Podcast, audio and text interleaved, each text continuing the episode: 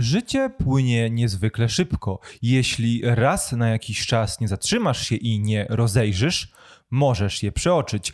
To cytat z Ferisa Buellera, a my dzisiaj rozmawiamy o jego dniu wolnym w szóstym odcinku Klasyki Popkultury.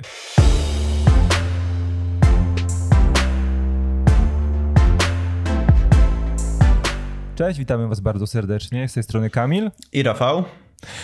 A my dzisiaj rozmawiamy o trzecim w kolejności, ale drugim e, w tej serii filmie z takiej trylogii nastoletnich filmów, filmów młodzieżowych Johna Hughesa, czyli o Wolnym Dniu Ferisa Buellera, filmie z roku 1986, który jest dość ciekawym filmem, filmem też przełomowym chyba w karierze Matthew Brodericka e, i który I said it before and I'll say it again. Life moves pretty fast. You don't stop and look around once in a while. You could miss it. do którego wraca się bardzo przyjemnie po tych wielu latach. Tak, w przeciwieństwie do klubu winowajców, o którym już rozmawialiśmy w tej serii, e, dzień wolny Ferisa Buellera jest bardzo przyjemny, dużo się w nim dzieje. E, ten nasz główny bohater jest e, taki bardzo zadziorny, bardzo pomysłowy, lubi wplątywać się w różnego rodzaju zamieszania. No to tam bohaterowie jakby klubu winowajców również lubili się, bo też bo spędzali no tak. dzień w, w, w kozie. E, no jednak tutaj mamy jakby całą e, całą tą akcję pokazaną i jest dużo bardziej dynamiczny ten film, przez co, e, tak jak wspomniałeś, przyjemniej się go ogląda i to jest taki film tego typu, którego, który możesz odpalić w każdym momencie i go sobie obejrzeć, a nie żeby, że musisz mieć specjalny nastrój czy coś. No, tak, być może pomijając finałowe sceny, które e, mają zupełnie inny wydźwięk, taki bardzo właśnie komentujący, John mhm. Hughes, mm -hmm. mimo tego, tej lekkiej aury całego filmu, na końcu znów zadaje bardzo ciężkie pytania z perspektywy nastoletnich ludzi.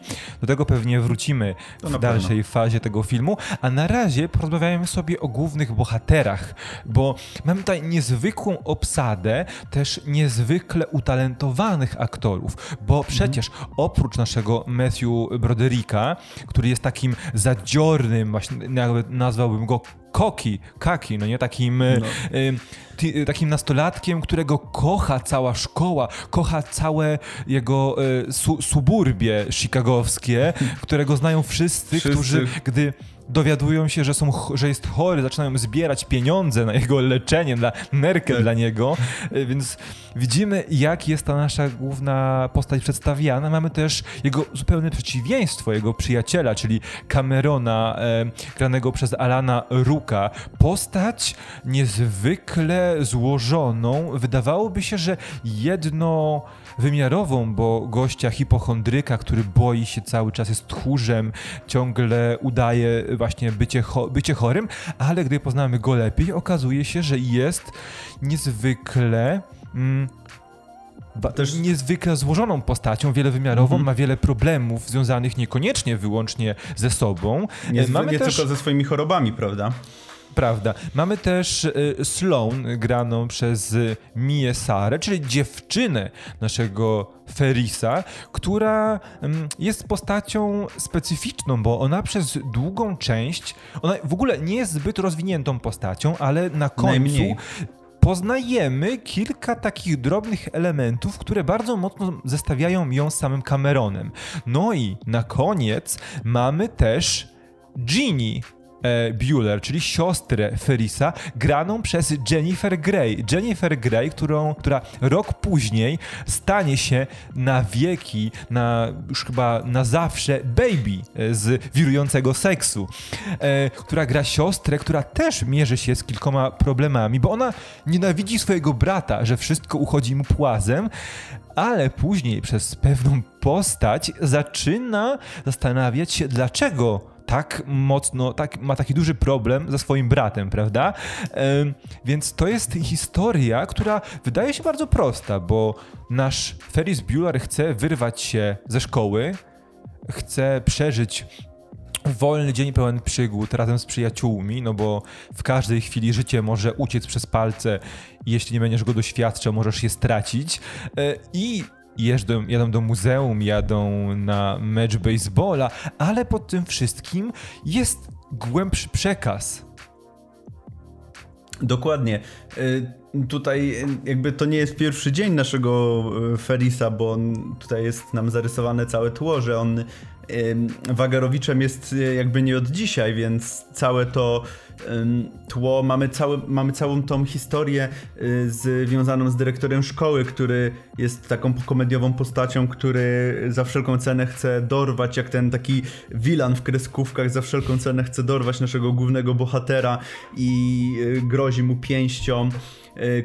Ale ta, to przerysowanie jakby też ma jakby też ma cel tutaj w tym filmie, ze względu na to, że y, jakby naszym bohaterem głównym jest y, Ferris i wszystkie postacie, które są w tym filmie, jakby widzimy jego oczami i jego rodziców, którzy y, bardzo mu ufają i nie widzą tego, że trochę tutaj kręci i tą siostrę, która tylko i wyłącznie go nienawidzi, jego przyjaciół i właśnie tych ludzi w szkole, którzy no, ubóstwiają go wręcz, a także dyrektora, który y, no właśnie jest tutaj, to, to przerysowanie moim zdaniem jest tutaj y, po to, żeby, żeby pokazać jak nasz główny bohater go widzi, bo on ym, faktycznie jest taki, no to jest taki gość z wąsikiem szczurkowaty, który tylko tutaj przychodzi i a panie Ferris Bueller to będzie yy, widzimy się za rok, czy coś takiego.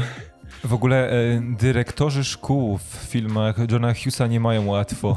Niestety. I tak, ale wiesz co? Mnie, naj, mnie najbardziej fascynowało to, że ten e, dyrektor e, Rooney, on mhm. tak bardzo chce, tak bardzo chce przyłapać Ferisa Buellera, no nie? Kto jaki dyrektor przy zdrowych zmysłach poświęca jednemu uczniowi tyle, Aż tyle czasu. siły czasu? to jest niesamowite.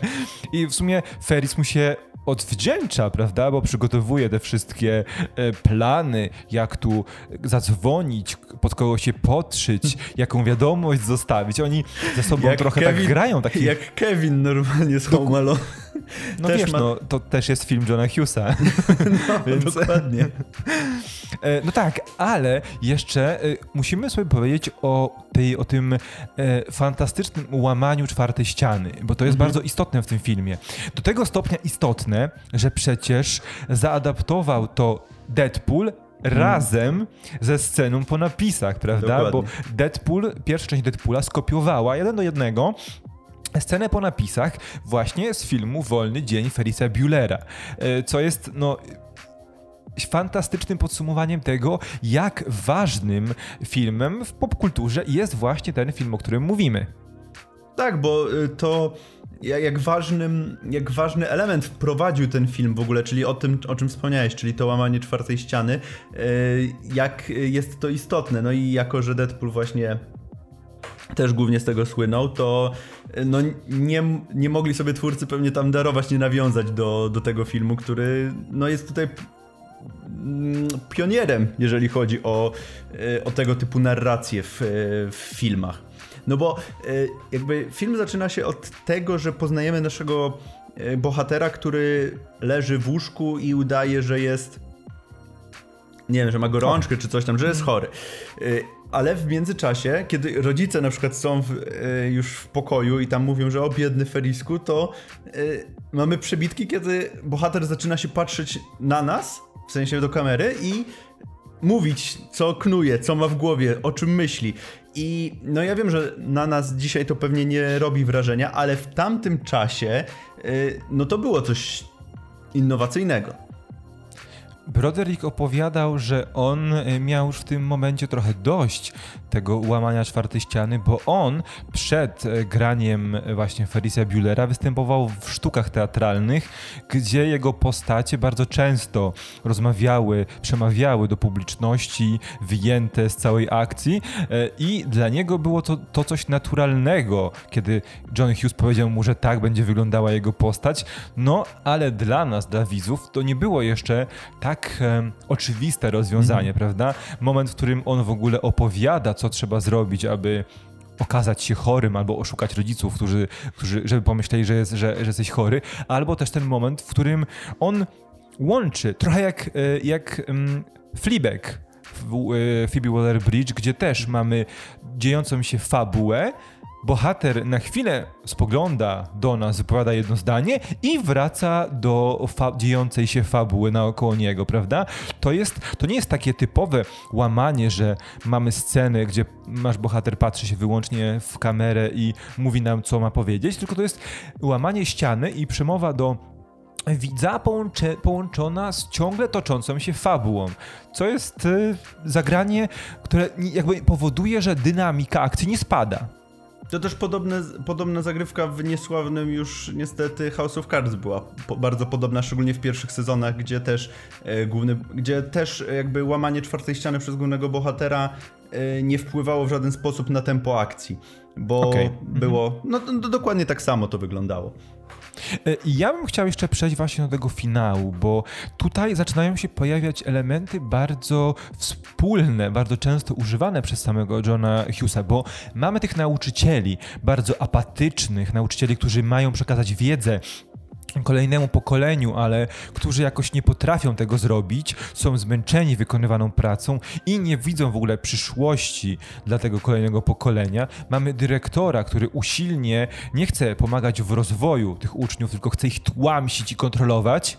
E, mamy też właśnie te pytania o przyszłość, bo e, w klubie winowajców, no klub winowajców jest skonstruowany tak, żeby zadawać trudne pytania. Tutaj natomiast te trudne pytania są wplątywane w finałowym akcie, bo raz y, nasz główny bohater zaczyna rozmówić nam, że to jest jego ostatni, ostatnie miesiące w szkole średniej. Ma swojego najlepszego przyjaciela, ma swoją dziewczynę, którą naprawdę kocha, ale w sumie nie wie, co będzie się z nimi działo, bo prawdopodobnie z Cameronem nie będzie spotykał się po wakacjach, kiedy wyjadą do różnych koledży. E, z Sloan, Sloan czeka jeszcze rok w szkole średniej i też nie wiadomo, co się z nią wydarzy, jak potoczy się jej życie. Więc on się bardzo o nich martwi i chce, aby te pojedyncze dni przepełnione przygodami, były czymś, do czego mogą ciągle nawiązywać i co, o czym mogą pamiętać, kiedy będą sobie przypominać te młodzieńcze lata.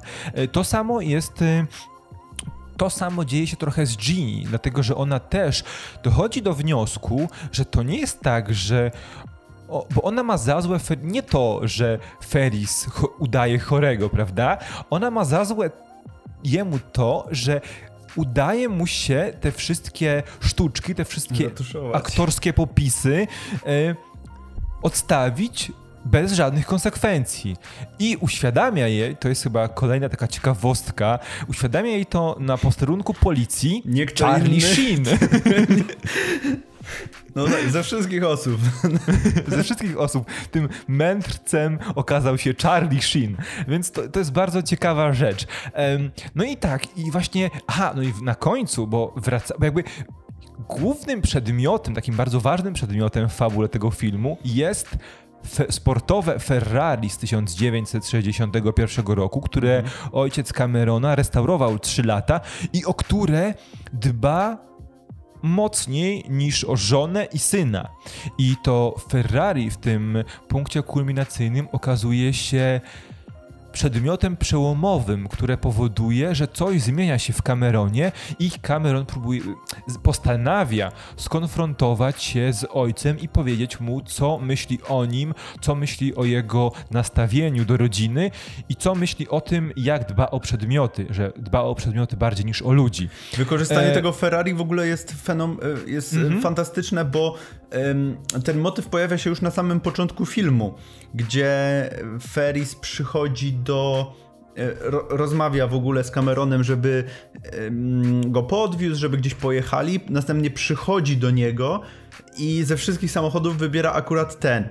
I jest nam to powiedziane, że no, że ojciec bardzo dba o to Ferrari, ale nic, że jakby nie jest to nam tak wytłumaczone. Dopiero w trakcie rozwoju fabuły i na koniec, bardziej w finale, dopiero dowiadujemy się, jak bardzo ważne to jest, kiedy te wszystkie emocje, y, które towarzyszyły przez cały film Cameronowi, tutaj się zbierają, kumulują I to wszystko wybucha. Także Tak. e, to jest bardzo fajnie wplecione już na samym początku, ale ma to ma ta, e, ten rekwizyt jakby zastosowanie w finale. Mhm, zdecydowanie, tak. Tam są drobne elementy świadczące o tym, że w życiu Camerona nie dzieje się zbyt dobrze, ale dopiero ten finał tak nam daje to do zrozumienia tak bardzo mocno. Ja na koniec, bo... E, bo ja chciałbym jeszcze poruszyć temat naszej trójki, no bo mam tak, mamy Ferisa, którego najlepszym przyjacielem jest Cameron i którego dziewczyną jest Sloane, ale my im dalej w las, tym bardziej widzimy, że tak naprawdę Sloane i Cameron mają sporo ze sobą wspólnego i że to Ferris jest zupełnie innym charakterem, który nie pasuje do tej dwójki, prawda? I widzimy sceny, w których e, Sloane i e, Cameron ze sobą rozmawiają. I ja miałem takie, takie nie wrażenie, tylko może, co, że być może e, John Hughes chciał nam właśnie zakomunikować, że to te dwie postacie są o wiele bardziej odpowiednie dla siebie niż na przykład Sloane i Ferris, prawda? Bo jest tam ten dialog, w którym e, rozmawiają ze sobą Cameron i Sloane, w którym zastanawiają się, co zrobią po szkole średniej jak będzie wyglądało ich życie i czym właściwie, czym się właściwie interesują, co ich w życiu pociąga. I okazuje się, że nic. Że nie mają tego czegoś, co jest dla, dla w ich życiu najważniejsze, no poza Ferrisem prawdopodobnie. I miałem takie wrażenie, i później ta scena, scena w basenie, i to, i to jak Cameron zamarł, prawda, i to jak e, Sloane zaczęła się nim opiekować, miałem takie delikatne wrażenie, że tam e, sugeruje się nam, że może być coś więcej pomiędzy tymi postaciami, ale ostatecznie chyba no, nie pojawia się to, zrezygnowano, nie chciano brnąć ten wątek, nie starczyło czasu w tej historii, a wydaje mi się, że to mogło być e, dość ciekawe. Cieka bardzo ciekawe, e, ale faktycznie też odniosłem takie wrażenie, że te postacie im dalej w fabułę, tym bardziej, tym, tam, tym bardziej mają się do siebie. No bo one faktycznie jakby są tłem dla Ferisa, który lubi się popisywać, lubi pokazywać, stawiać siebie na pierwszym miejscu przed wszystkimi. y, I faktycznie wybija się na tych przyjaciołach, i on jest tym, powiedzmy, showmanem, a oni zawsze są gdzieś z boku we dwójkę i faktycznie też odniosłem takie, też, też odniosłem takie wrażenie, że oni, ym, no że coś ym, z tej relacji może być więcej. Ale ja chciałem jeszcze, bo- y, zanim będziemy kończyć, Kamil, to ja chciałem o cofaniu licznika, bo to jest fenomenalna scena. Tak, No jak, jak, jak, ja, jak ja usłyszałem to po raz pierwszy, że nie wierzyłem. jak pojadą i, to, i będą się wracać tyłem, żeby licznik się cofnął. I tak myślę, czy to jest żart, czy oni to mówią na serio? I okazało się, że mówią to na serio. Tak, bo... Tak, także to jest fenomenalna scena, fantastyczna. No, także do podsumowania. My zaczęliśmy try, trylogię filmów młodzieżowych Johna Hughesa w dziwnym miejscu, bo od jego środka, a teraz przeszliśmy do filmu ostatniego. Zostało nam jeszcze 16 świeczek. Jeśli chcecie, piszcie nam, czy mamy obejrzeć i wam o tym filmie opowiedzieć, wyrazić swoje zdanie na ten temat. Ale podsumowując Wolny Dzień Ferisa Buellera, jest to film o wiele lżejszy niż Klub Winowajców, ale ostatecznie też mówiący o bardzo ważnych sprawach, jak różnie przyszłość widzą nastoletni ludzie i jak do tej przyszłości się przygotowują, z jakim nastawieniem wychodzą i co jest dla nich najważniejsze poprzez te lata, w których dorastają, prawda? Bo Ferris tak naprawdę chciał się oświadczyć Sloan i mówił o tym na poważnie, mając 18 lat, prawda? Więc to też pokazuje no, wiele. E, I mm, ja tak zestawiając Klub Winowajców i Wolny Dzień Ferisa Buellera, nie potrafię wybrać filmu, który bardziej mi się podobał, bo one wszystkie one oba mają coś w sobie naprawdę wartościowego i John Hughes po raz kolejny pokazał w tym filmie, że on e, pod przykrywką prostej historii frywol, frywolnej, lek, lekkiej, pełnej e, rozrywki historii mówi coś ważnego. I to jest chyba coś najist- dla mnie najistotniejszego e, podczas tego seansu. Y, Zdecydowanie zgadzam się. Mam wrażenie, że y, w Ferisie Buellerze ten y, motyw, te pytania, które nam autor zadaje, są nawet jeszcze mocniej wybrzmiewają właśnie ze względu na to, że mieszają się z tą komedią, która jest od samego początku obecna w tym filmie i właśnie dlatego y, w momencie, kiedy dochodzimy do finałowych scen i do tego finałowego, do jakby konsensusu, do, do tego, co chce film nam powiedzieć ogólnie, y, to wybrzmiała to jeszcze lepiej właśnie ze względu na to, na to zmieszanie z komedią. Jeżeli chodzi o mnie, to zdecydowanie Dzień Wolny Felisa Buellera oglądało mi się zdecydowanie lżej niż Klub Winowajców. Oczywiście oba mają mają, y, są, są to bardzo ważne filmy, są to klasyki, które, y, które wniosły po pierwsze bardzo dużo do kina jako tako, a jako, jako takiego, a poza tym są to bardzo filmy, które wydaje mi się, że każdy nastolatek powinien obejrzeć, bo y, one się nie zestarzały nic, bo te nie. problemy, które dotykają nastolatków, y, zarówno dotykały te 40-50 lat temu, czy teraz, to są takie same. I wydaje mi się, że to jest bardzo właśnie dobra pozycja dla, dla każdego, kto wchodzi w ten wiek jakby podejmowania decyzji. Zgadzam się w 100%. Dlatego e, nam Wolny Ferisa Buellera podobał się bardzo co pewnie mogliście zauważyć. Teraz czekamy na Was. Piszcie, czy oglądaliście ten film, jeśli jesteście nastolatkami, czy zamierzacie. Jeśli jesteście trochę starszymi widzami, czy widzieliście, czy może wró wrócicie po tym materiale do tego filmu. E, no i czekamy na każde Wasze przemyślenie dotyczące Ferisa, Camerona, Sloan czy Ginny, czy też dyrektora Runeya. E, a My jeżeli, wam bardzo dziękujemy. A tak? jeżeli jest wam e, mało Ferisa po tym filmie, to pamiętajcie, że w 1990 wyszedł jeszcze serial. Ale już zupełnie Dokładnie. inną obsadą. No właśnie. E, tak, także my dziękujemy Wam za to, że odwiedziliście naszą serię klasyki popkultury. Pamiętajcie, żeby zajrzeć na nasze socjale, na stronę internetową. No i widzimy się w kolejnych materiałach. Dziękujemy. Cześć. Do zobaczenia. Cześć.